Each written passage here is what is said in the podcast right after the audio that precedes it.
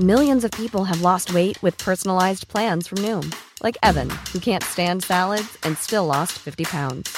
Salads, generally, for most people, are the easy button, right? For me, that wasn't an option. I never really was a salad guy. That's just not who I am. But Noom worked for me. Get your personalized plan today at Noom.com. Real Noom user compensated to provide their story. In four weeks, the typical Noom user can expect to lose one to two pounds per week. Individual results may vary. Hey, it's Paige DeSorbo from Giggly Squad. High quality fashion without the price tag. Say hello to Quince. I'm snagging high-end essentials like cozy cashmere sweaters, sleek leather jackets, fine jewelry, and so much more. With Quince being 50 to 80% less than similar brands. And they partner with factories that prioritize safe, ethical, and responsible manufacturing. I love that. Luxury quality within reach. Go to quince.com slash style to get free shipping and 365 day returns on your next order. Quince.com slash style. I'm Sandra, and I'm just the professional your small business was looking for. But you didn't hire me because you didn't use LinkedIn jobs. LinkedIn has professionals you can't find anywhere else, including those who aren't actively looking for a new job but might be open to the perfect role, like me. In a given month, over 70% of LinkedIn users don't visit other leading job sites. So if you're not looking on LinkedIn, you'll miss out on great candidates like Sandra. Start hiring professionals like a professional. Post your free job on linkedin.com/achieve today. Hey, I'm Ryan Reynolds. At Mint Mobile, we like to do the opposite of what Big Wireless does. They charge you a lot, we charge you a little. So naturally, when they announced they'd be raising their prices due to inflation, we decided to deflate our prices due to not hating you. That's right. We're cutting the price of Mint Unlimited from $30 a month to just $15 a month. Give it a try at mintmobile.com slash switch. $45 upfront for three months plus taxes and fees. Promo rate for new customers for limited time. Unlimited more than 40 gigabytes per month. Slows. Full terms at mintmobile.com.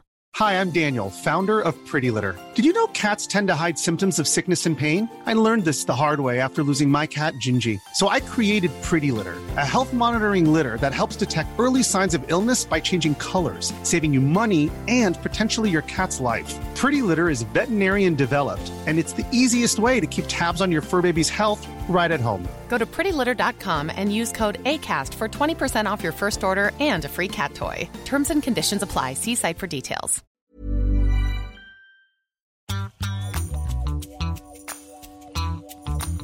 Hei og velkommen til Bak scenen. Jeg heter Trond Harald Hansen, og i denne podkastserien skal jeg finne ut hva som skjer på baksiden av norsk showbiz-bransje.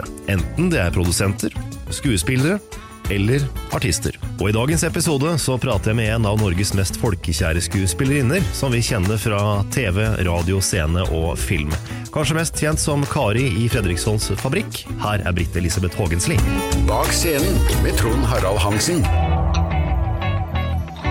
Leif Justers ærespris og Amanda-pris, det har du blitt utnevnt til? Ja, altså eh, den derre Komiprisens ærenspris, da, det var veldig overraskende. og Det er kjempegøy, og det er klart at det, det gjør at man, man blir Det er en slags form for anerkjennelse å bli tatt litt på senga, og man tenker jøss, liksom. Men er veldig, veldig stas, det. Amanda var også veldig overraskende for eh, Blåmandag, som jeg gjorde med Ingar Gimle, da, for noen år siden. Men eh, det var jo en filmpris, og det er liksom forskjellige kategorier og sånn, men, men eh, det er virkelig, virkelig stas å få, altså. Hvordan er det å holde på med skuespill og Altså, man er, føler seg jo veldig privilegert. Noen sier ja, ja, du driver jo med hobbyen din og sånn, men man går jo inn, eh, man går jo inn som ung og jobber eh, vettet av seg. Og, og suger til seg alt av eldre skuespillere, enten det er på film eller på teater. Jeg var, var så heldig å begynne på Norske Teater og fikk liksom eh, gå i lære der med Rolf Jus Nilsen var der, Gisle Straume, altså, ikke sant, Stumpa-rektor og, og Lasse Kolstad og alle disse her, og, og liksom bare sugde til meg. Jeg hadde liksom sa gjør det, gjør det, gjør det, gjør ikke sånn, gjør sånn og sånn og sånn. Fantastisk. Så um, når jeg da ble henta inn til Grønne heisen, så var det så var det en komedie fordi noen hadde sett meg på norske teater og sånn. Så eh, da hoppa jeg liksom ut og inn fra Norske Teatre i 20 år. Jeg, og spilte Ja. film og komedie, spilte revyer og sånne ting. Så da, da ble det på en måte en slags sånn humorvei, samtidig som jeg var på norske og gjorde uh, Tsjekhov og Ibsen og sånne ting, da. Så eh, en utrolig vei, altså, som jeg er veldig glad for. Mm. Men det å underholde for andre, er det noe som du har hatt interesse for hele livet? Jeg har vel kanskje kunnet uh, svi av en replikk og sånn når jeg tenker tilbake, men aldri sånn Jeg var aldri noen som, noen som, en sånn person som spilte skuespill og skoleteater og sånn. Uh, jeg, jeg begynte egentlig på musikklinje og skulle bli musikkbarnehagelærer. Uh, Så det var litt tilfeldig folk jeg traff da som tenkte, sa liksom ja, jeg sang jo da. Så du bør jo, og liksom de tenkte, de sa du bør prøve øh, å søke, liksom. Så kom jeg inn på Norskteatrets elevskole. Uh, og da, da var jeg jo på Norskteatret samtidig som jeg var elev, så da jobba jeg 24-7 i tre år, liksom. Uh, men uh, det var ikke noe utgangspunkt i starten sånn, nei.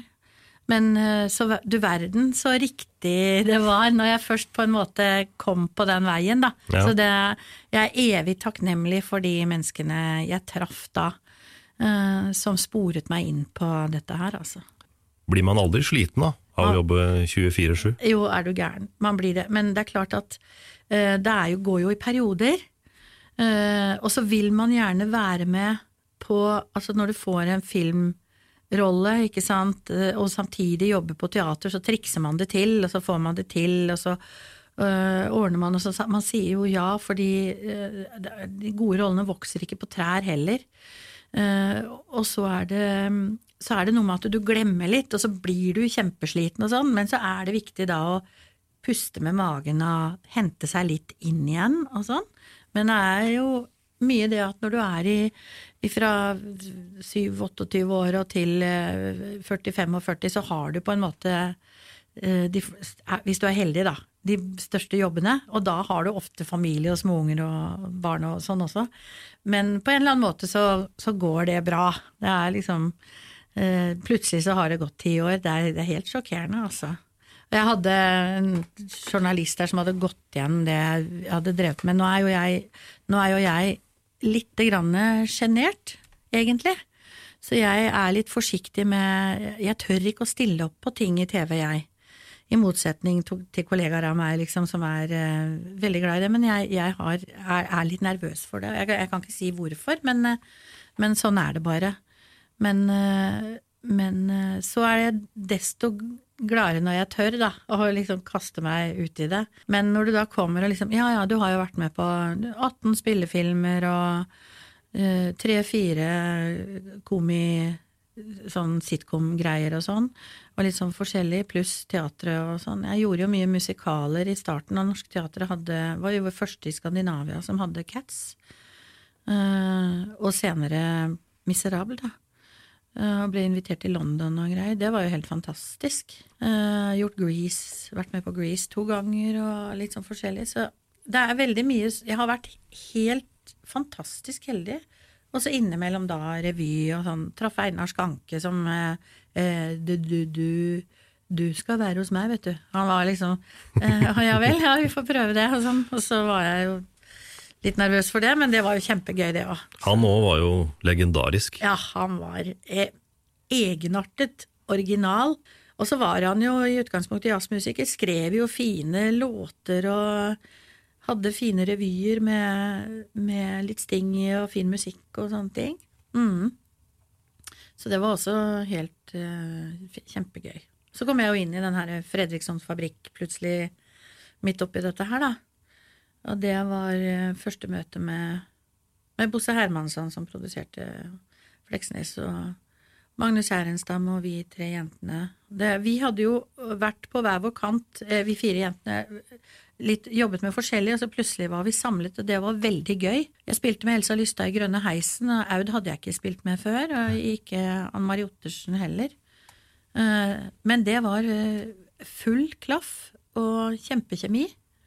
Så vi hadde, vi, den perioden der hadde vi det fantastisk morsomt, altså. Det gikk litt sånn vi tok opp noen i bolker, da. Så det var en fin tid. Det òg blei jo en, en kjempesuksess. 2,3 millioner seere eller noe sånt på det aller meste. Ja, det var helt vanvittig. Det var jo selvfølgelig mens NRK hadde monopol, men eh, Ikke sant? Men det var eh, Og, de, og så skulle det jo ikke bli noe mer, da, fordi at eh, NRK ikke ville være kommersielle. Så det kan jo være noen har, har um, tenkt F etter det. det vet du.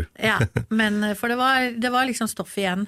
Men eh, så gjorde vi en film som ikke var så suksessrik, da, fordi da skulle man liksom utvide med å hente inn haugevis av folk, og, og var liksom ikke sikker på konsept og så videre. Men, eh, men den fungerte så der. Men, men den perioden med det var fantastisk morsomt. Veldig gøy, altså. Og eh, det er klart at når du har referanser i senere tid, da, og har gjort eh, liksom masse videre eh, hit og dit, eh, så jeg tenker på det veldig mye når jeg gjør sånn Jeg har spilt Pernille i, i Den stundesløse to ganger. Og det er mye, mye som skal få Så er det veldig godt å ha dette her den, Ha ting under huden eh, som forteller deg at eh, nå er det bare å jobbe litt sånn systematisk Det er veldig disiplinyrke, det vi har, egentlig. Og så må alt det andre komme etterpå. Når du har liksom bygd som en arkitekt, liksom omrisset rundt, og så kan du på en måte la, legge til og lage til etterpå. Mhm. Og da ser man jo tilbake på alle disse hvor man har lært ting av, av andre og sett hvordan de gjør og, og sånn. Og jeg husker starten, jeg hadde jo ikke jobbet med Bosse Hermansson, og han var en veldig sånn forsiktig mann. Han sa veldig lite, han visste bare nøyaktig hva han ville ha. Men sa ingenting. Han sa ingenting. Ingenting. Og jeg, jeg husker eh, Aud Skjønemann eh, Og jeg hadde som ung blitt invitert til å være med på noen Fleksnes-episoder, men jeg fikk ikke fri fra teatret, så jeg hadde jo bare snakket med han liksom sånn for, for lenge siden. Så det, jeg visste ikke helt hvordan han var. Så jeg gikk til Aud og sa du, Kuri, hva, hva skjer? Altså, liker han ikke det jeg gjør, og, og sånn? Så sa Aud at bare ta det helt med ro. Så lenge du ikke verken ser eller hører noen ting, så er alt på det riktige sporet. Hvis han kommer med liksom sånn «Eh, gjør så her litt, eller sånn, så, så gjør man det, sa hun. Så det er ikke noe mer å prate om det. Ja, hun var veldig klar i talen sin. Ja. Da kunne man liksom senke skuldrene litt, da. Hun òg var jo sikkert helt eventyrlig å jobbe med. Ja, og veldig opptatt av å passe på oss, og at vi, vi skulle være presise, og vi øh, hun var, Aud var ganske streng, hun. Uh, fordi hun er voksen. og Det var, teater er veldig mye disiplin. Du skal liksom det er liksom Startskuddet går, og teppet går opp, og så skal du være 100% de to timene, liksom. Nå har det helt i kroppen, da. Veldig disiplinert yrke, egentlig. Og det var hun veldig opptatt av. Og det, så vi var alltid eh, opptatt av at hun, eh, at hun eh, hadde kontroll på oss, og vi sa fra Hvis vi gikk rundt hjørnet, liksom, og kjøpte en avis eller et eller annet sånt, hun sa alltid fra til henne hva vi skulle og sånn, så ikke det ble noe sånn Hvor er Ja. Ja. Likte også å ha orden. Ja, Ja. veldig. Veldig. Og så gøy. Nei, utrolig. Elsa også. Fantastisk. Og Anne Marie og jeg har jo jobbet sammen på Gammel dame, vond og venne nå. Ja, den var jeg og så på. Ja, akkurat. Ja, og det var veldig gøy. Og der, det er noe med den derre Når du treffer en kjemi, da, sånn at vi kan jobbe oss opp eh, på et nivå hvor vi kjenner, som vi kjenner til, og, og trives i. Så den er vel heller ikke kanskje utspilt, men, eh, men vi hadde en eh, veldig Vi har hatt turneer og alt mulig sånn. Hadde det veldig gøy. Akkurat det med kjemi, er det som ellers at eh, dette her er noe du merker umiddelbart? At dette her fungerer, eller Ja. fungerer ikke? Eh, ja, det, man merker det ganske så umiddelbart, ja. Det gjør man. Og så er det jo også noe med at det er en del eh, skuespillere og artister som eh, eh, som har en sjenanse i seg. Kanskje derfor de akkurat er skuespillere, fordi at da går man inn og er en annen person, altså jobber seg inn i noe annet. Lever ut på en måte det du ja, har inne? Ja, og da kan det også da ta litt tid før du blir kjent med den personen, altså. Og, og sånn. Og når, det da liksom, når du blir kjent med det, så blir du trygg på den og sånn. Mm. Og det, vi har, noen, noen stykker har vi jo lengre prøvetid på enn en andre. Og, og da må du på en måte bli kjent med folk også, da. Før du mm, her, dette, Vi har en tone, ja. Liksom. Absolutt. Men selve produksjonen av Fredriksson, da, Mm. hvordan foregikk det? Du, der eh, hadde vi jo altså perioder hvor vi eh, NRK hadde jo heller ikke plass til oss, da, så vi ble hivd rundt. Vi var på Stovner-senteret og hadde Oi. opptak på et eller annet inni der, og vi var nede på, på Dramatikkens hus, men det var jo på en måte eh, Det var før det ble sånn ordentlig bygd sånn som det er nå, da, så jeg jeg husker at vi, vi hadde jo publikum på opptakene, og to dager med fulle opptak. Og da måtte vi stille oss i publikumskø ute i fire kuldegrader for å gå på do, da. Liksom før opptak og sånn. Og da syns jeg synd på Elsa og Ja. Aud, liksom, som eh, Så det var litt eh, primitivt, og ikke alltid sånn som liksom den tekniske staben og produksjonssjef og sånn ønsket, fordi vi ble på en måte eh, ikke, ikke tilgodesett av NRK heller. Altså, de satte ikke plass til oss, men vi fikk det jo til. Og det var kanskje litt eh, Det var jo supert med disse tekniske gutta som bygde opp i studio og sånn, da. Eh, Men vi, vi var i et studio til slutt her i, i gamle Søylen teater, som var egentlig et sånt opptaksstudio som eh, Teamfilm, altså Olsmann-gjengen, hadde brukt og sånn, og da husker jeg det var så varmt at holdt på å si olabuksa smelta på kroppen. Det var, da, da, da lurte vi på om vi klarte å gjennomføre noe opptak, men eh, så det var liksom de store kontrastene. Vi kom jo rundt i byen og fikk sett ting vi aldri hadde sett før, da, men eh, utrolig snål periode, ja. Mm. Du ser jo det at hvis du tar og studerer kulissene nøye, Mm. fra episode til episode, så kan du jo se det at det har, det har jo skjedd endringer. Ja. Og det er vel sikkert da av at studio var på forskjellige steder. Da, Ja, helt riktig. Det er bra observert. Det er helt riktig. Altså. Og så var det ja, størrelsen om å jenke det til, og hvordan vi setter maskinen og alt det der greiene der. Mm. Og så, Det er jo morsomt, eh, fordi hver episode skal, jo, skal det jo skje forskjellige ting, da. Så vi må ha innganger og utganger og forskjellige ting som skal skje, og da det er helt riktig. Det er ikke bare for at vi skal ha opptak i, i riktig situasjon spillemessig, men faktisk også fordi at vi var ble kasta rundt litt forskjellige steder, så man måtte liksom jenke det litt til, ja. Mm. Så hadde vi jo publikum i studio òg, så de skulle jo også plasseres og sånn, og forskjellig sånn. Det var jo noen episoder som skjedde også, dere holdt jo på med alt mulig rart innpå der. Ja ja, ja her- himmel og hav. Altså, eh, det er, det, det er jo noen episoder som eh, dette her med når vi tok den der V5-kupongen og sydde inn i, ikke sant, det, det er jo helt eh, usannsynlig. Det der var, det var kjempegøy. Og også når vi var forbannet eh, fordi vi ikke hadde lunsjpause, altså ikke kantine, så skulle han eh, Fredriksson skulle mekke til en sånn maskin, da, så vi ikke hadde så lang pause. Og trykka på styret, og så trykka han på, liksom så kom det kaffe, og da kom det sånn en sånn la, lang remse som var helt svart, og Ja, da hadde jo gutta putta inn sånn lakrisremse bak, ikke sant?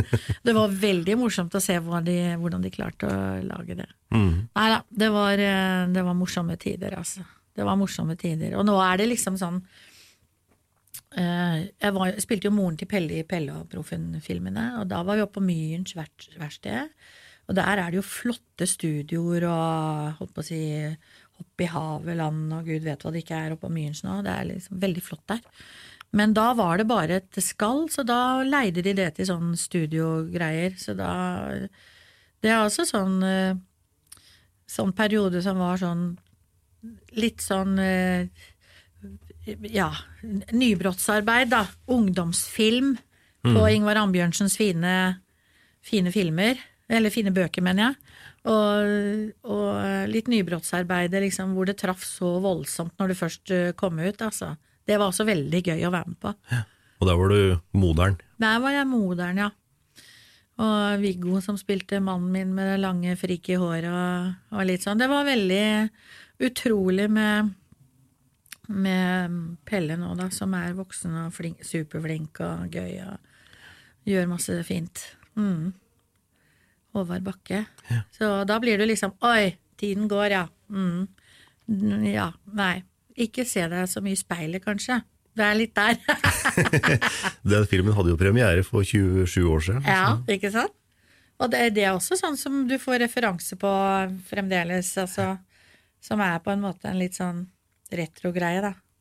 Mm. Men det må jo være stilig, det òg, for at, Kjempegøy. da har det jo Ja, betydd noe. Da. ja, det er det.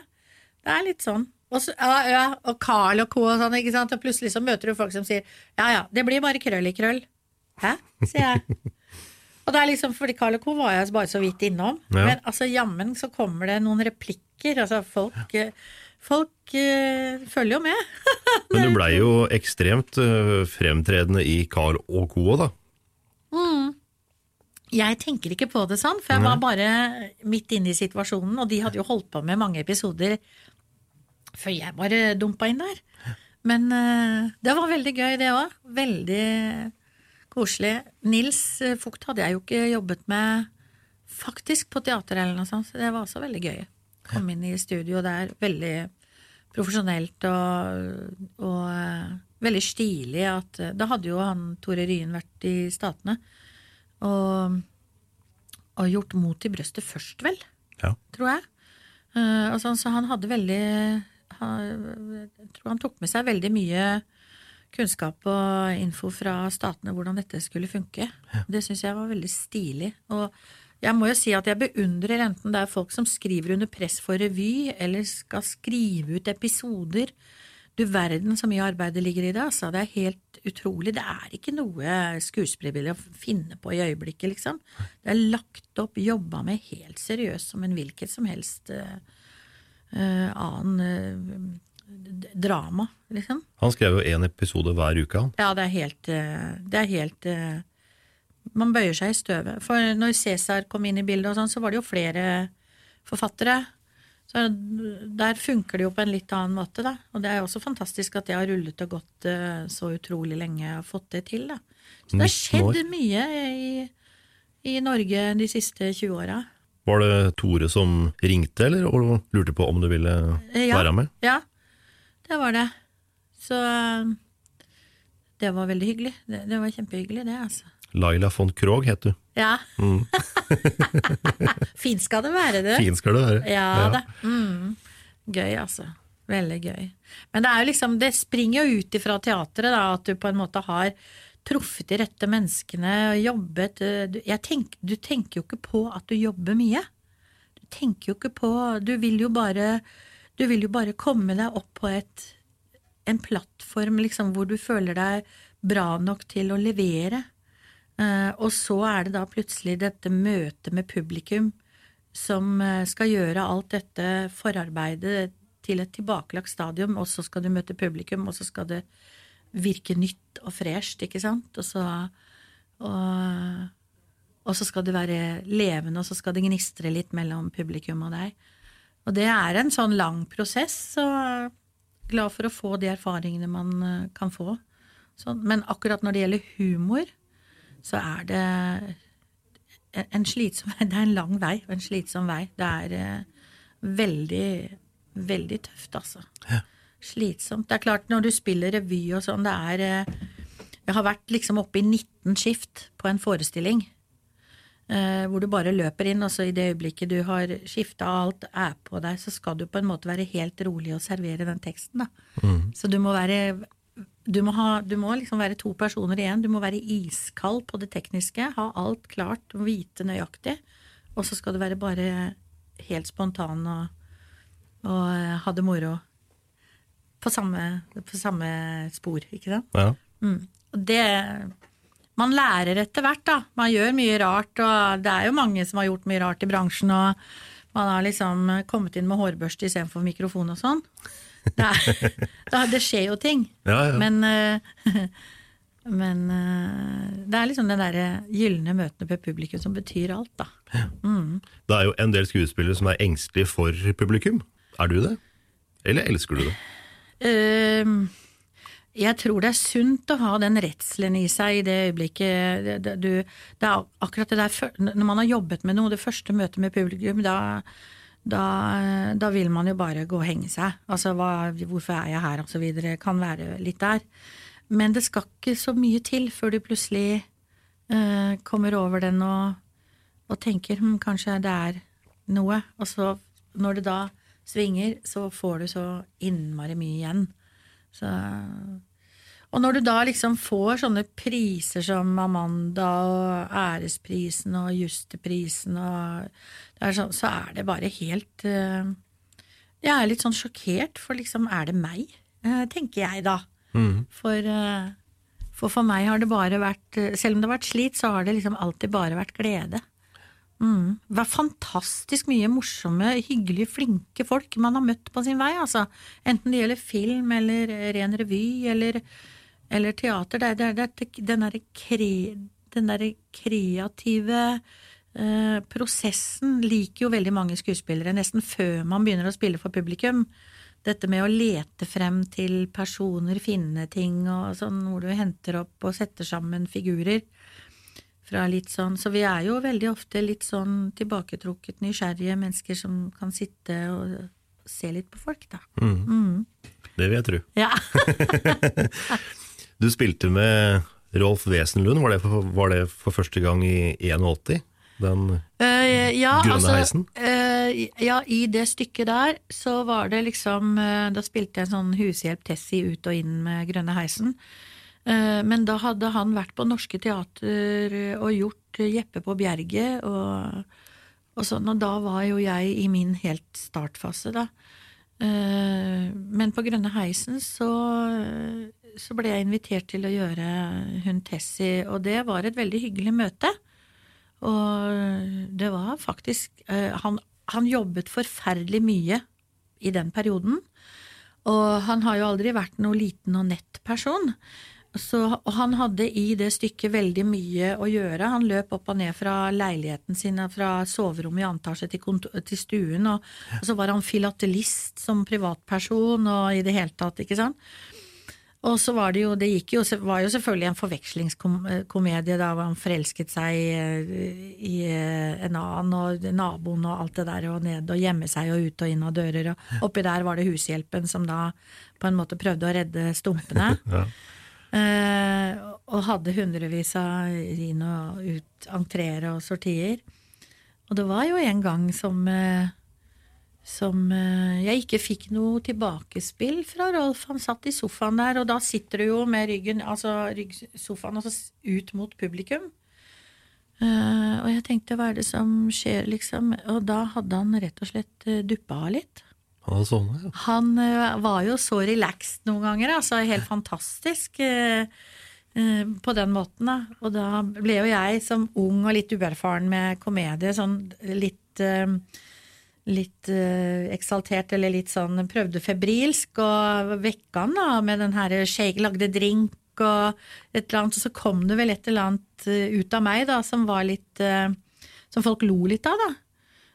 og da våknet han til. Da så jeg han skvatt til, og sånn, og så så han seg rundt, og så så summet han seg litt, og så så han at det var jeg som drev på, og så kom liksom dialogen i gang og, og sånn.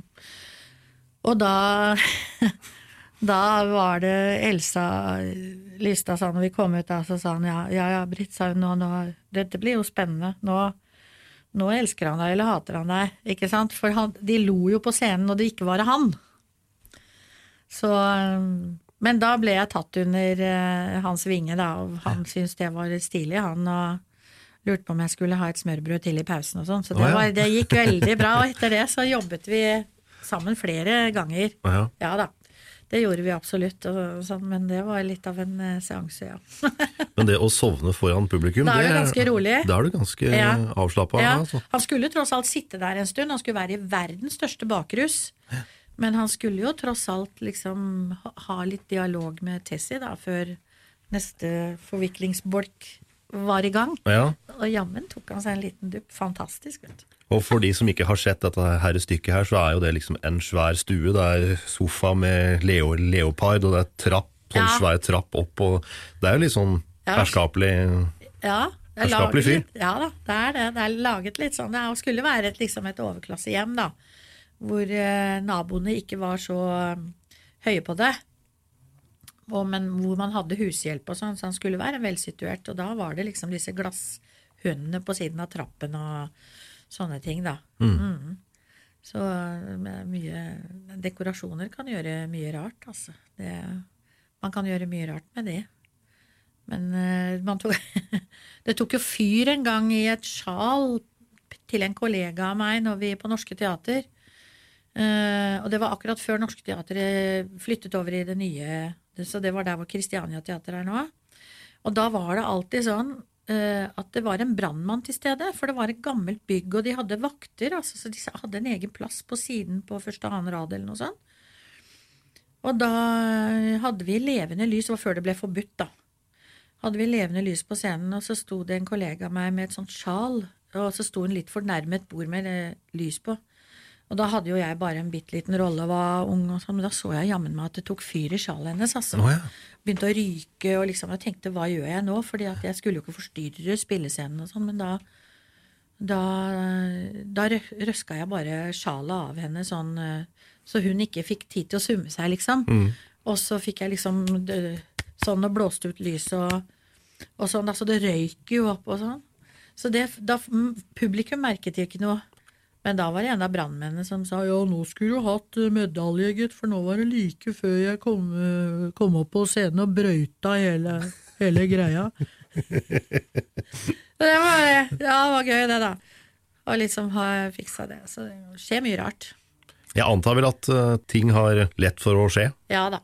Det er uh, Mye uforutsett og Ja da, det gjør det. Og da må man på en måte bare uh, Så det er sånn i dag, ja. Akkurat. Hvordan er det under innspillinga av f.eks. Uh, Fredriksson? da? Var det ofte dere tok ting om igjen, eller gikk det stort sett, grei, stort sett greit? Eh, Altså, det hadde veldig mye å si med Bosse Hermansson å gjøre, fordi at han, eh, han visste så nøyaktig Vi var så um, Han visste så nøyaktig hva han ville ha, samtidig som vi var flinke til å, å, å legge til rette når vi hadde prøver. Eh, så når vi da gikk på opptak, så hadde vi ikke så mange opptak. Vi hadde jo to dager, men vi hadde liksom all, ikke all verdens med tid, da. Så der gikk det ganske greit, egentlig. Der var det ikke Jeg kan ikke huske Det kan være Ann Marie eller noen kan huske noen sånne helt spesielle episoder, men, eh, men eh, jeg syns det gikk helt utrolig bra da. Og vi Disse symaskinene som egentlig ikke funka og sånn, de skulle jo funke de, men Det virket jo som om det funket alt sammen, liksom. Så vi hadde jo lyd og sånn, så der må jeg virkelig rose NRK. Altså når du først liksom får NRKs team med teknikere og sånn, så er det utrolig på plass, altså. Det må jeg si. Det er- Veldig. Der, det der kan de. Det, er- der er det liksom De har utrolig erfaring, altså. Direktesendinger og store ting og sånn. Men nå har jo TV 2 og altså andre produksjonsselskaper også blitt veldig flinke med den. Men på den tiden der så var jo det liksom ikke så mange som hadde Så det var veldig Det er veldig deilig å komme inn i et sånt Det er også sånn som frilansere øh, sier, da. At når de har vært ute og må ordne ting selv og gjøre ting og sånn, så kommer de inn på et teater og spiller et stykke, også hvor liksom disse forskjellige avdelingene, alle har på en måte jobbet med ting i forkant, så de tilrettelegger, så du Det er, det er virkelig helt fantastisk, altså. Da skjønner man hvor, eh, hvor heldig man er, og hvor viktig det er også, at ting funker. Og da kan du holde fokus på det Ja. du skal, da, og ikke Ja. alt annet. Nemlig. Det er, eh, det er virkelig supert, altså. Virkelig supert. Nei da. Så det, er, det har vært Det er en begivenhetsrik eh, jobb, da. Veldig ofte. Men eh, også Du er jo nysgjerrig på mennesker og mennesketyper og sånne ting. Får være med på mye rart og på eh, Jeg husker jo på Blåmandag, absolutt Blåmandag, så hadde jeg jo Jeg var jo så forbanna i en scene der uh, at jeg skulle ro ut i fullt drittsinne. Og med robåt og greier. Og så, og så hadde jeg på meg en sånn mohairgenser, og scenografen hadde funnet et par kjempefine gummistøvler, for de var gule.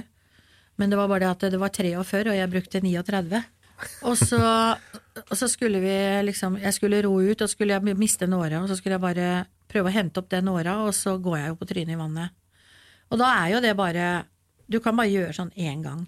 Og Petter Ness som var regissør da, kul som han er og sånn, så bare vi prøver, ja. Og jeg ut der og styra og sånn og sånn. Og det jeg ikke hadde tenkt på, var at når jeg først datt i vannet, det var fire grader, vi hadde tok det opp i Stilla og på Frysja der. Fire grader, ikke sant, i vannet, og liksom, det var skikkelig vinter.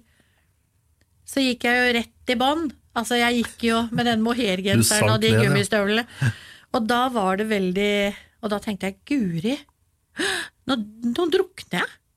Morna, adjø.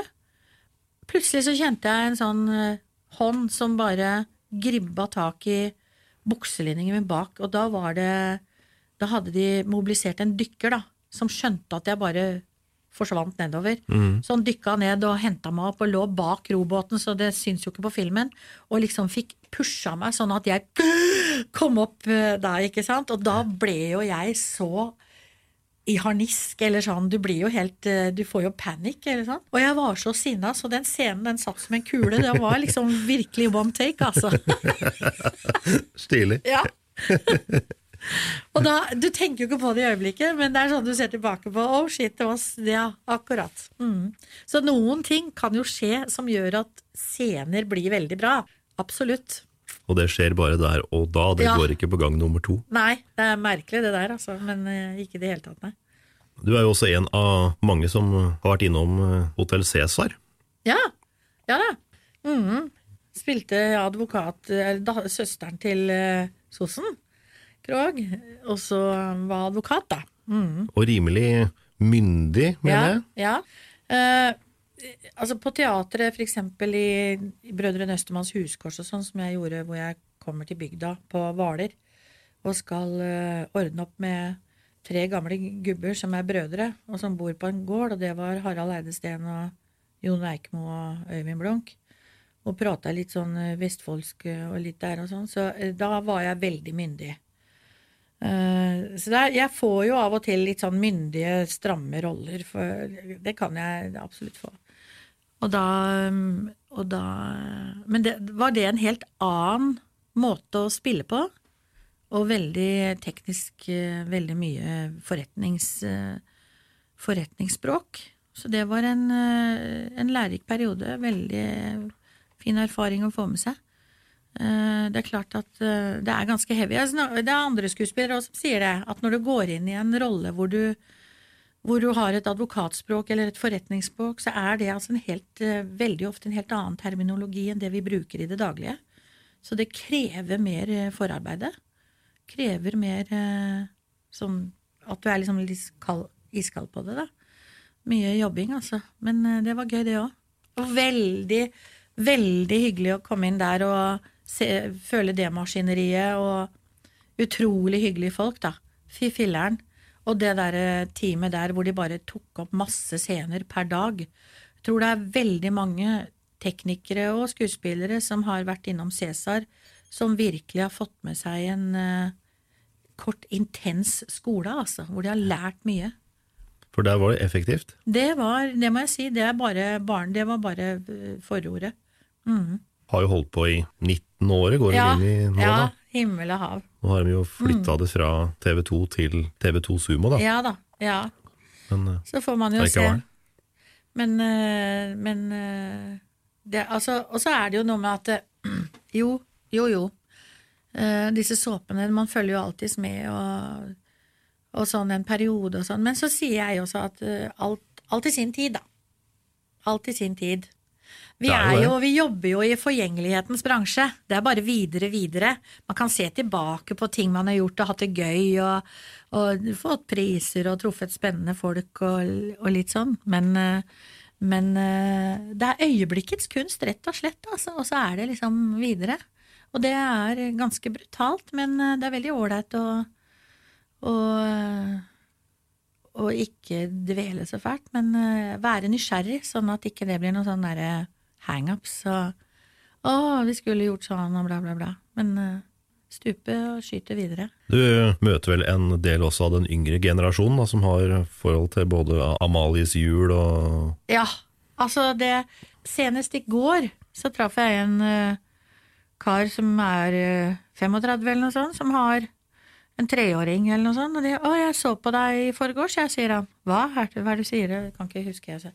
Jo da, de hadde Amalies jul, han elsket det og syntes det var så koselig med fine sanger og sånn. Og da, da må bare Du verden, så hyggelig, sier jeg da. Mm. Blir litt sånn stolt, jeg, da, på vegne av den produksjonen, liksom. Veldig hyggelig, altså. Så nei, og en gang på når vi holdt på med, hadde holdt på med Fredriksson en stund, så husker jeg jeg sto på en parkeringsplass, og det pøsregna. Eh, en sånn mørk oktober klokka fem, liksom. Så banker det på ruten, og så ruller jeg eh, ned, kom, tar jeg ned vinduet, og så sier en dame Vet du, jeg ser det er deg, sier hun, og vet du hva, jeg må bare takke deg for Fredriksson, for jeg har en en, en mann som er døende, og som er veldig, veldig syk. Men det er liksom gleden vår i livet nå. Eh, At han koser seg med det liksom når han har gode stunder og sånn. Så takket meg for det. At det ga litt liv til eh, hverdagen liksom i en sånn stund hvor det var på en måte en avslutning. da. Og da blir du Du begynner jo å grine. Du blir jo helt eh, men kjære vene. Det er jo det er jeg som skal takke for at folk gir uttrykk for sånn. Det er helt utrolig, altså. Mhm. Så man blir jo veldig ydmyk òg i, i sånne stunder, altså. Veldig ydmyk og fryktelig glad for at man har fått være med på sånne ting Mm. som har gleda folk. Virkelig. Mm. Der var jo du Kari, var det, ikke det? Ja. Relativt uh, frittalende hun òg. ja da. Og så var hun litt sånn uh, layback og, og sånn, og hadde jo en kjæreste, da, som var liksom en samboer, men han var jo på Nordsjøen. Så jeg husker jeg var på et julebord, da, og da var det en kar som jeg ikke kjente, som, eh, som eh, dro ut stolen ved siden av meg og sa 'jeg setter meg her', og sa han siden Bjarne er på Nordsjøen. Og det er liksom sånne referanser. Jo, ja, ok.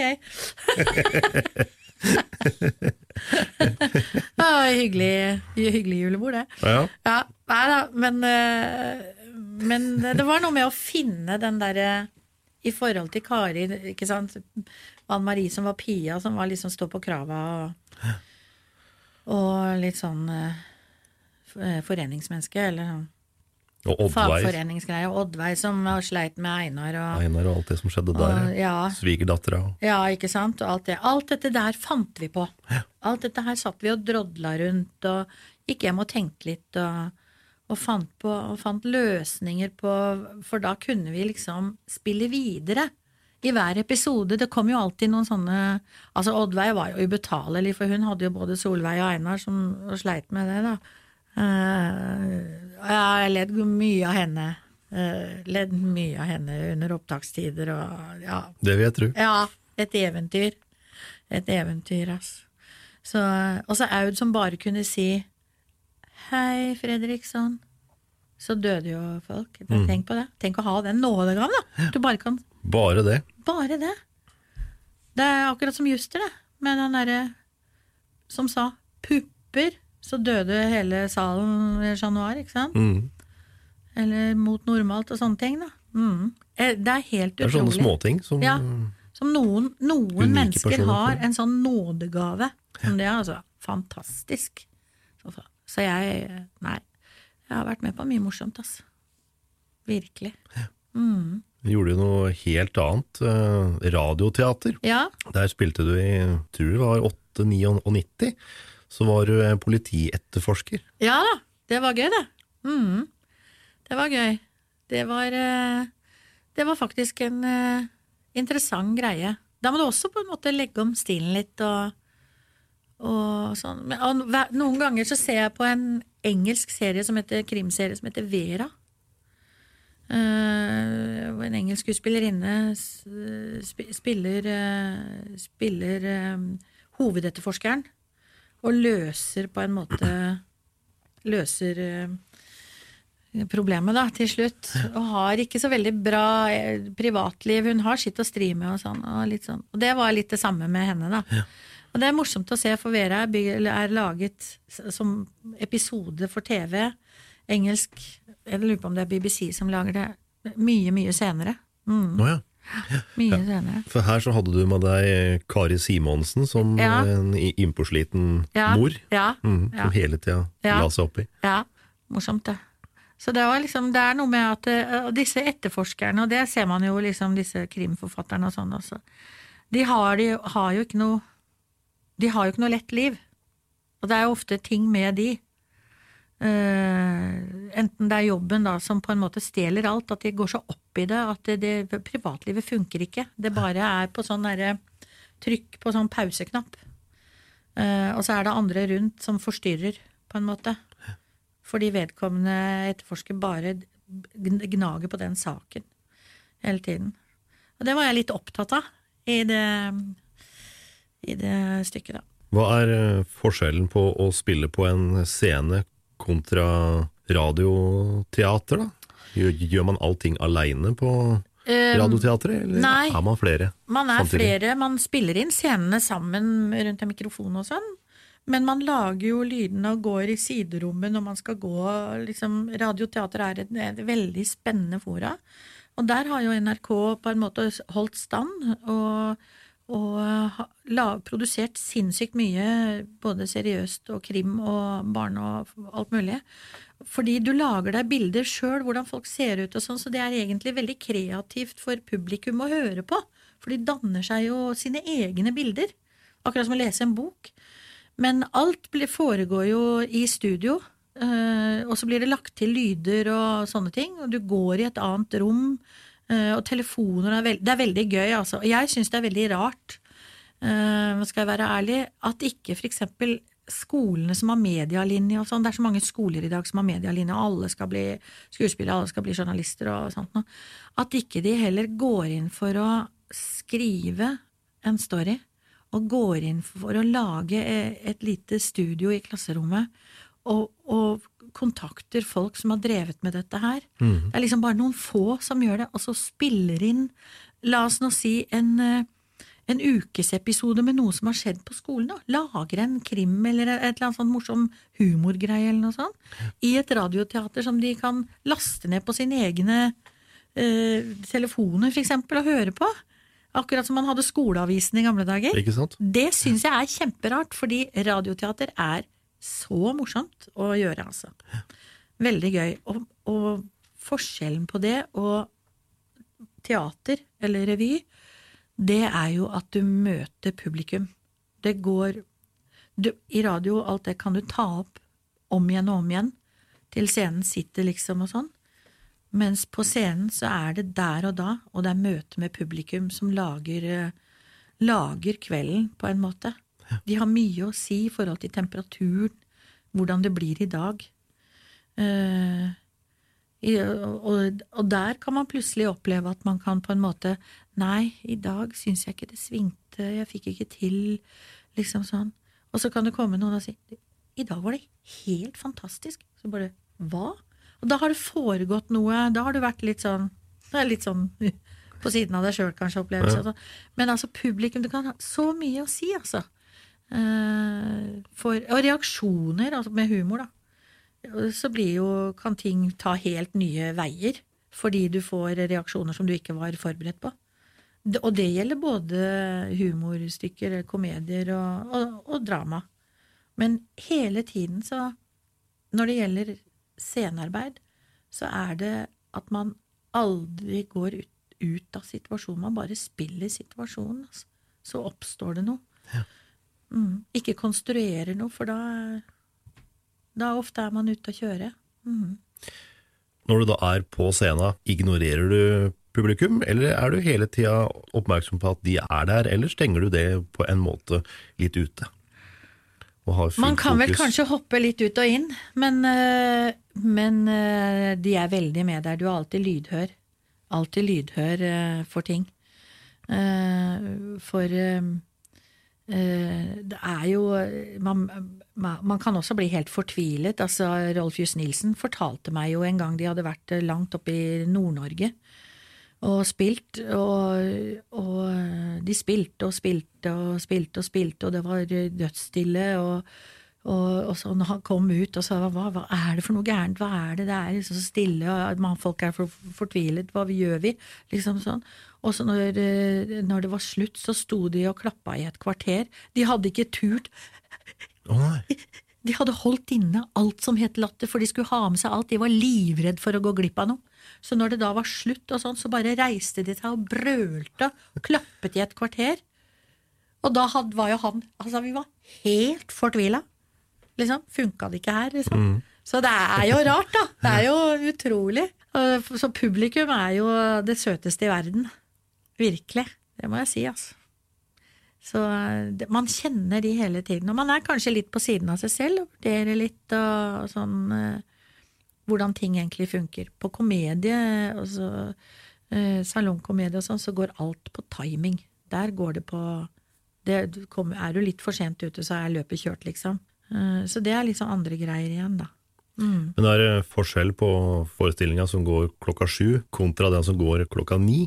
Hvis det er en lørdag, er publikum mer urolig når klokka er ni enn de er klokka sju? Ja, det kan de være. Hvis de har vært ute og Ja, det og kan de spist litt, Og... Ja, det kan de absolutt være. Uh, ja, det er liksom, vi hadde jo det der uh, liksom, Når du sp kjører show, da, og revyer og sånn, at det er liksom før og etter eh, middag og sånn, glad, gladgjengen kommer. Mhm. Mer løst i snippen og, og litt der. Men jeg, jeg syns på en måte nå har det jevna seg veldig ut. Nå, nå er det jo ikke så mye sånn Det er ikke noe sånn rølpe, det er ikke så mye sånn rølpegreier lenger. Heller. Folk er eh, har en hyggelig middag og litt sånn, så nå, nå syns jeg det er eh, mye mer likt fra sju-forestilling til ni, eller ja, seks og ni og sånne ting, da. Enn eh, det var før, altså, for da var det veldig stor forskjell. Veldig stor forskjell på det.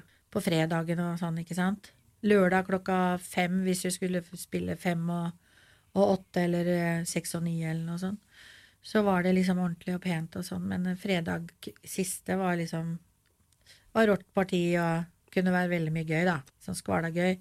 Men nå er det liksom har jevnet seg litt ut og og sånn, og Folk er mye mer vant til å gå ut og sånn også nå. Før så var jo det en sånn familiebegivenhet nesten, ikke sant. Det tok med seg, for det, det var liksom the one and only. Du gikk på Chat Noir eller sånn. Mens nå går jo folk ut på show hele tiden, og det er veldig mye underholdning og sånn. Så mye mer sånn vant til det. Det har blitt mer vanlig. Ja. Mm, mm. Og det er jo veldig hyggelig. At, at det er blitt et veldig fint alternativ til eh, et TV som tar så mye plass i hverdagen vår. Så det setter jeg veldig pris på. At eh, det er helt utrolig hvor, hvor mye folk går på. Og så er det noe helt eget med å se det som skjer der og da, for akkurat det som dere viser, viser da, det kommer aldri til å skje igjen på Nei. samme måte, da. Og det er helt utrolig. Derfor, siden du sier det, er det ingenting som er viktigere enn barn og teater. For det er tidlig. der du sår Det er der du sår den første lysten til å oppleve levende levende aktører, enten det er eh, sirkus eller, eh, eller skuespilleri. Og en, e- en fortelling, en barneforestilling, for eksempel. Den derre opplevelsen Hvor mange har ikke jeg opp igjennom tiden fått referert liksom i Nei, det var på grunn av det første jeg så uh, den gangen og sånn. Og nå er det liksom Nå har ikke skolene råd til for eksempel å ha første, altså barneteater. Eh, De dro jo med oss, eh, hadde jo fast, ikke sant? Barneskolen og, og ungdomsskolen og sånn. Og nå er det, men det er klart at nå kommer jo mer barneteater til deg, da.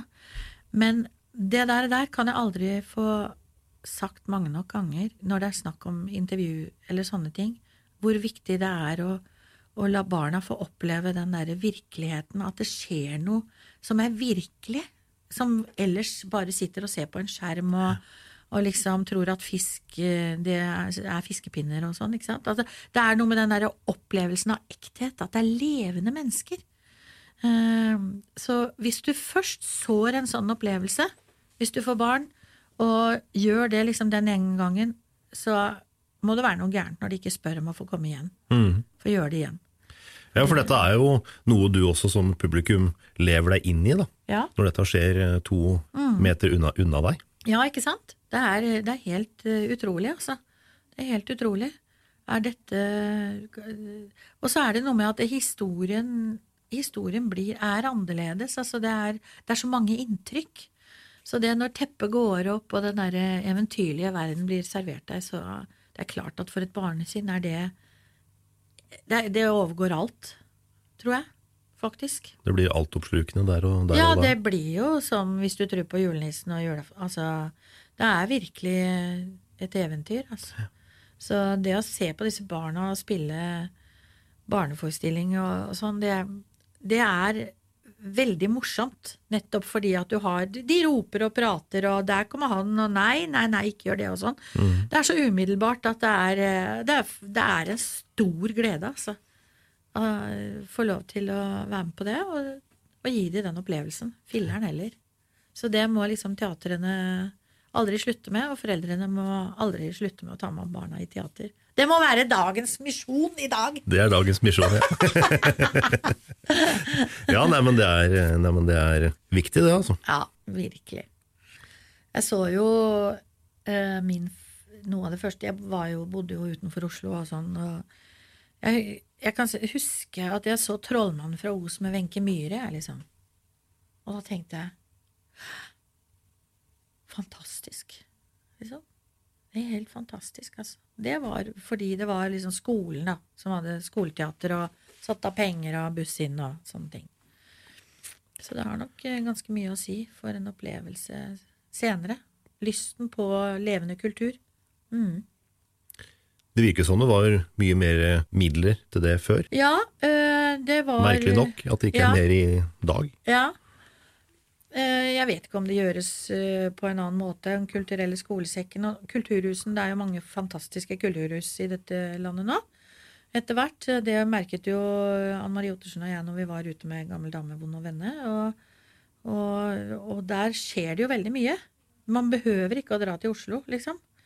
Så det, er er lokalmiljø og alt mulig. Det, men man, man kan aldri underslå viktigheten av eh, kultur. For kultur, det er, eh, det er å komme sammen med andre, opp, ha en felles opplevelse. Enten det er sjakkturnering eller, eh, eller noe idrett eller, eller teater, levende opplevelse av musikk eller hva som helst, altså. Det, folk du er ikke klar over hvorvidt det spenner egentlig i din hverdag. Hvor viktig det er. Men det er jo noe eget det å gå smilende ut igjen sammen med 400-500 andre som også har opplevd og syns at dette her, det var kjempegøy. Ja, ikke sant? Og pratingen, helt utrolig. Så det som vi opplever nå, da, det er jo at barna øh, er helt eventyrlig med på alt, mens foreldrene kan sitte med mobiler og ikke ta del i noe som helst. Altså. Det ser jo vi fra scenen. Så det er min lille oppfordring til unge foreldre. At de, de legger vekk mobilen og opplever den, tar den opplevelsesstunden sammen med barna, fordi barna prater alltid om det etterpå, og de har referanser til alt som de opplever alt på en annen måte. Og da må du kunne Du må jo i hvert fall være i en dialog med barna dine og ha samme opplevelsen. Men eh, vi som skuespillere kan jo av og til titte litt ned i salen, da. Og ser jo at eh, det er noen som holder på med helt andre ting. Og det er ganske overraskende for oss at eh, de trekker det så langt, ja. Det kan det være. Så vi blir glad for eh, alle disse mobilene som eh, blir lagt i lommene da. Blir man sur, eller blir man skuffa eller irritert for at man ikke får uh... Nei, altså vi registrerer det jo bare. Og så er det jo noe med at vi da har eh, Vi har jo barnas opplevelse, så vi registrerer det bare. Og så tenker vi liksom at Nå vet jo vi at det barnet går For de prater så fryktelig mye når de går ut av salen. De er så opptatt av det de er. De er så fylt av det. Det Helt til de igjen, sitter på bussen og griner, for de er jo utslitte, ikke sant. Men, eh, og skal hjem og legge seg. Men, men da, og da er det godt å ha en, en voksen person, eller den personen da, som du er sammen med, som også har opplevd det samme, og som kan dele den opplevelsen. Hvis de spør hvorfor gjorde ulven det, eller hva var, hvorfor gikk stjal den nissen den fela, eller altså et eller annet sånt noe, så har du på en måte opp, så vet du det, så kan man prate om det. Det er veldig viktig. Da, så vi bare registrerer konstaterer det vi, og håper at det blir bedre.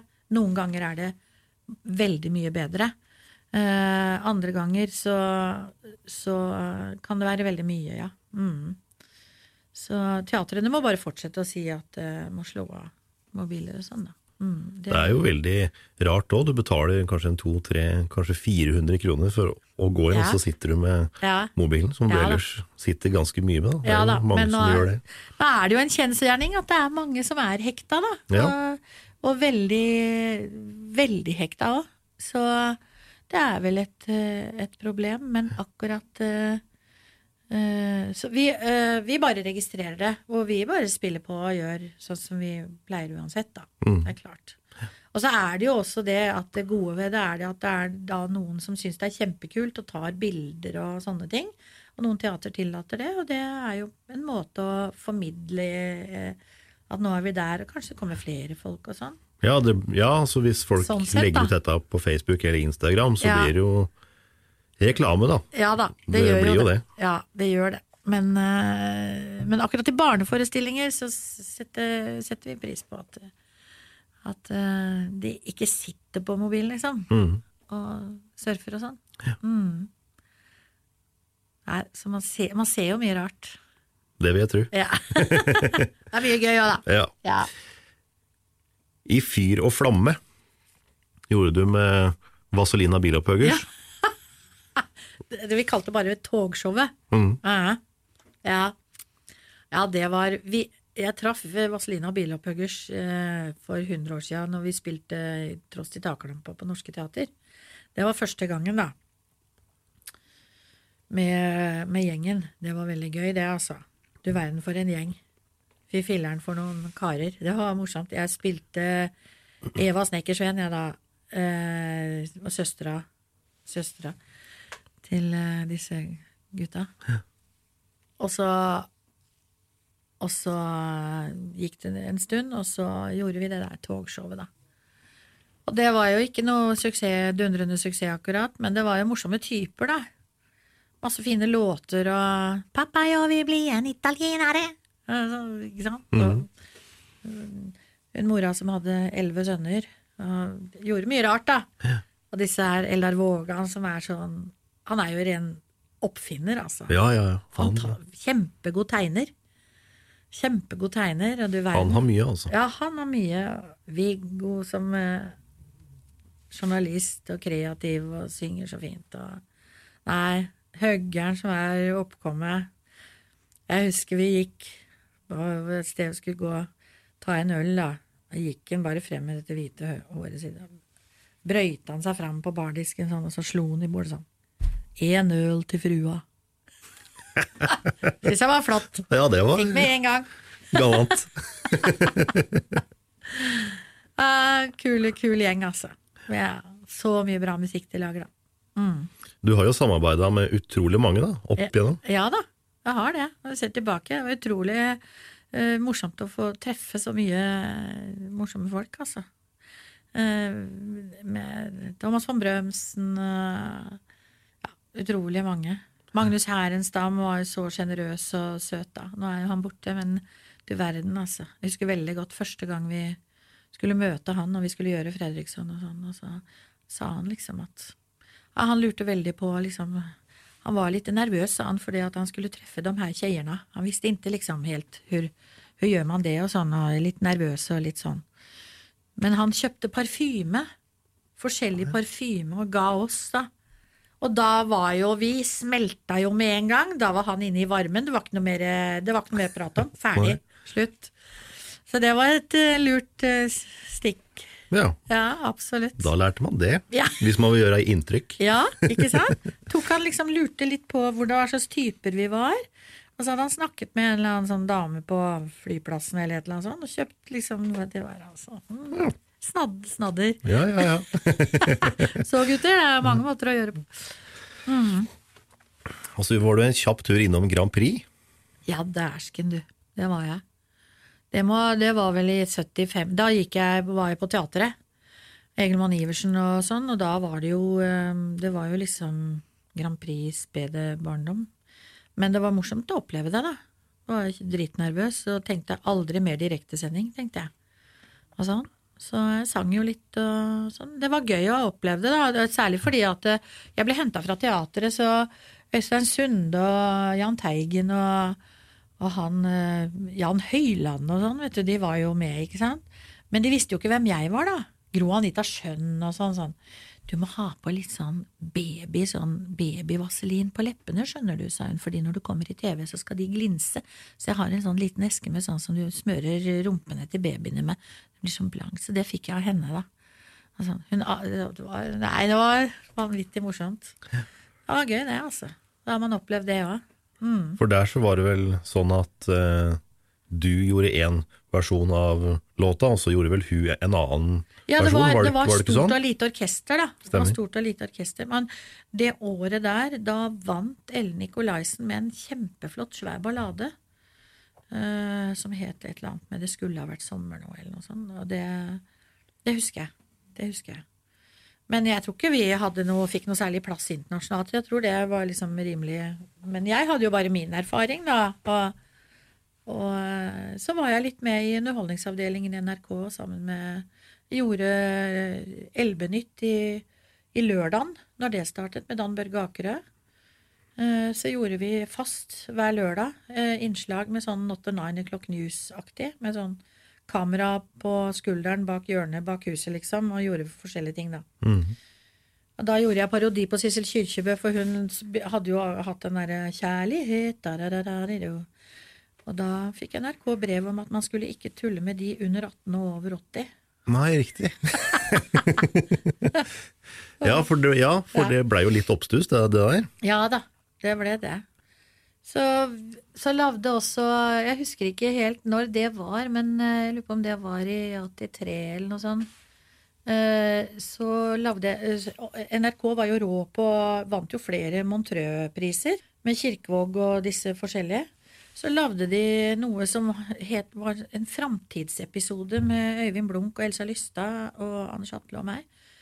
Og da handlet det om Det var Tor Åge Bringsvær som skrev, tror jeg. Men den vant vi faktisk. Bronserosen. Var med på å vinne Bronserosen. Det var ganske staselig, da. Og Øyvind Blunk var, eh, var eh, eh, en stusslig kar som levde alene og hadde en mor som bare viste seg på skjermen. Og det kom det mat ut av et rør, og alt var sånn eh, var så iskaldt. Det var liksom ikke noe sånn Gikk på sånn eh, framtiden, ikke sant? Men nesten det vi er inne på i dag, at alt skjer digitalt og via TV og sånn. At man glepper eh, den menneskelige varmen, og relasjonene forsvinner. Så den var litt sånn forut for sin tid, altså. Ja. Virkelig. Det får du si, da. Så den vant, så det var jeg med på. Det var kjempegøy, det. Så um, Ellers så gjorde jeg jo litt sammen med Øyvind Blunk en periode. da. Vi spilte mye sammen på Norske Teater før han eh, eh, spilte Gikk i kompani med, med Hege, gjorde bare gode venner og sånn. Og vi er med på veldig mye på Norske Teater sammen. da. Mm. Jeg så på et program eh, fra 90-tallet hvor du var inne hos Petter Nome, og der hadde jo Øyvind eh, sagt det at du var Norges eneste dieseldrevne skuespiller. Ja. Ja, altså fordi at jeg er litt sånn som når jeg først kommer i gang, så vil jeg ikke slutte. Da vil jeg liksom Jeg vil bli ferdig. Jeg, jeg, opptatt, jeg blir så opptatt av det jeg driver med at liksom, jeg glemmer liksom tid og sted og, og sånn. Uh, så, og da vil jeg gjerne ta det flere ganger og gjøre litt sånn, da. Og der er jo Øyvind eh, i perioder i hvert fall mye mer layback, da. Og kan eh, Han er jo veldig arbeidsom, men han liksom øh, syns vel jeg drev det litt langt, da. Så, så det var jo et morsomt uttrykk, da. Ja, Og glad å være det. Øyvind er jo kjempegod. Altså, jeg har alltid vært veldig glad i Øyvind. Mm. Eh, fantastisk morsom fyr. Veldig. Utrolig morsom fyr. Så Nei, vi, det har vært vi, Jeg debuterte sammen med han i Bra mennesker av Oskar Bråten. Da spilte vi Maggie og David. Det var liksom debuten på norske, da. Mm. Så var vi sammen i Thenardier-paret i Le Miserable på norske. Eh, det var også veldig gøy. Eh, så vi har gjort en del eh, forskjellige ting sammen. Men jo da, jeg skjønner hva han mener når han sier at jeg går på diesel. Ja. Eller gikk på diesel. Det har blitt roligere nå. Ja. Ja. Hvordan oppsto parodien på Gro Harlem Brundtland? Du, det, den første, første parodien på Gro Harlem Brundtland, det var Alfred Ness som skrev. Eh, og det var Doktor Gro. Og det var i en eh, revy som het I leende live. Tror jeg. Uh, på- Det var da Chat Noir skulle gjenoppstå? Ja. Eller jo, det, det var Chat Noir, var det ikke det? Eller var det Edderkoppen? Det var det i Var det i uh, Jeg lurer på om det var Nei, vent litt. I leende livet var, var noe annet, men jeg lurer på om det var 90-års-jubileumsrevyen til Einar Skanke. Nå ble jeg plutselig veldig usikker. Men det var første Gro som kom, da. hvor hun var doktor Gro og skulle gjøre ting og sånn, og så ble det en del eh, Gro etter det. Det ble veldig suksess. Og så senere så hadde jo Skrev jo eh, Gro til Anne Marit Jacobsen, da. Så gjorde hun det. Hun, hun har gjort noen ufattelige Gro-parodier, altså, eh, siden. Men eh, det var første Gro. Det var eh, Alfred Næss som skrev det. Med doktor Gro og, og Arne Olav og Ja da. Hun skulle på en måte frelse verden, hun, da. Mhm. Virkelig. Så hun eh, Ja, nei, altså, nå har jeg virkelig gjort det store. Nå har jeg fått hele Korea til å slutte å røyke. Altså, hun, hun var helt sånn Altså, hun var jo full av digresjon. Altså, sa jo aldri en setning helt ut og sånn. Nei. Eller sier Altså, hun har jo blitt flinkere, men det var Det er jo noen som er sånn. Ja. Veldig morsomt å gjøre henne, altså. Veldig. Men jeg er ikke noe sånn typisk parodimenneske. Nei. Det er jeg ikke i det hele tatt. Men akkurat det funka da. Der og da. Mm. Men øh, Nei, og så Jeg skulle gjøre en ting i Folkets hus en gang hvor øh, Hvor øh, Kjell Bekkelund skulle spille et stykke. Ole, Anton, Ole Edvard Antonsen tror jeg skulle spille noen greier. Og sånn, og så skulle Gro Harlem For dette her var en sånn LO-kongress. Si adjø til en sånn kjent politisk person og sånn. Så det var jo i den kongresshallen og sånn, da. Alle var så nervøse. Alt var sånn. Kom Gro Harlem Brundtland fram på talerstolen og skulle presentere meg. Og nå får vi et innslag av eh, Britt Elisabeth Hagenslay. Klarte hun å si. Og da døde jeg. Altså, det, etterpå så gikk jeg bare og sa nei, det, at jeg heter Hagenslay. Ja, det var bare Og vi skvatt, vet du. Ja, ja, ja. Det var vanvittig. Så Hagenslei høres jo ganske slagkraftig ut, Det da vil jeg det. påstå. ja. Så når hun sa det, så ble det jo ikke mindre slagkraftig, egentlig. Så vi bare Nei, vi holdt på å le oss i hjel. Herlighet, altså. Nei. Du er litt av en dame, du. Det kan man si. Jeg sier tusen takk for besøket. Det har vært utrolig hyggelig. Veldig hyggelig å prate med deg. Veldig hyggelig.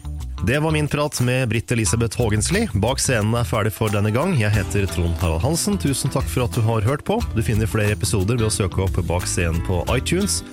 Om en uke, helt ny episode. Da kommer Terje Formoe på besøk. Men det Nandor da gjorde, var at han, eh, han tok ferien sin han, på Sørlandet. Og så fikk han ett kamera, og så tok han forestillingen seks kvelder på rad med forskjellige kameraposisjoner. Og så klippet han det sammen til en i hermeteiken flerkameraproduksjon. Og det ble vår første videoutgivelse.